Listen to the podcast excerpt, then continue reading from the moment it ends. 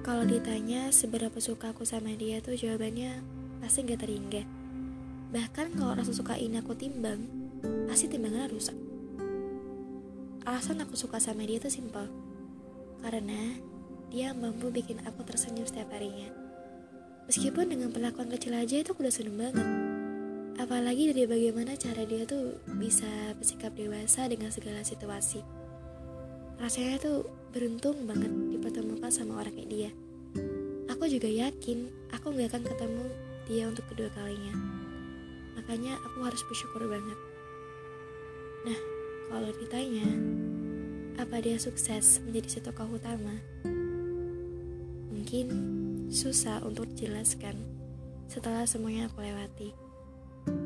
Tapi ya, dia sukses menggantikan peran si orang pertama dan menjadi tokoh utama. Karena lagi, dia sanggup nyembuhin luka aku dulunya. Honestly, aku gak pernah sesuka ini sama orang. Mungkin gak ada tuh effort-effort segala. Palingan cuma bisa ngecek dia online atau enggak.